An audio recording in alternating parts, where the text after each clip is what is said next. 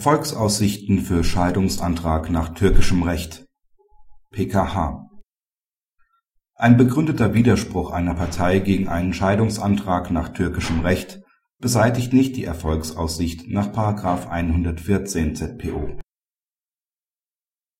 Der Ehemann und die Ehefrau sind türkische Staatsangehörige und schließen 1996 in der Türkei die Ehe der Ehemann begehrt Prozesskostenhilfe für seinen Scheidungsantrag in Deutschland.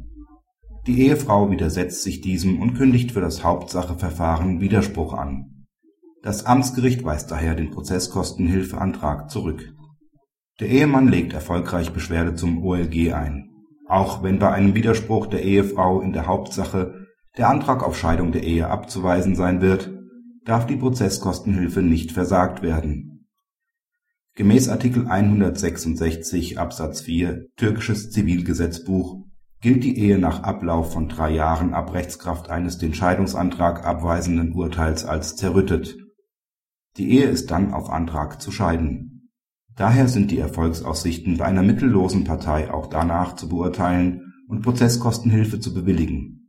Ansonsten würde die mittellose Partei schlechter stehen als die Partei die in der Lage ist, die Kosten eines erfolglosen Scheidungsverfahrens selbst zu tragen. Praxishinweis Bei Scheidungen von türkischen Staatsangehörigen ist aufgrund von Artikel 15 Absatz 1 in Verbindung mit Artikel 14 EGBGB regelmäßig das türkische Güterrecht maßgebend.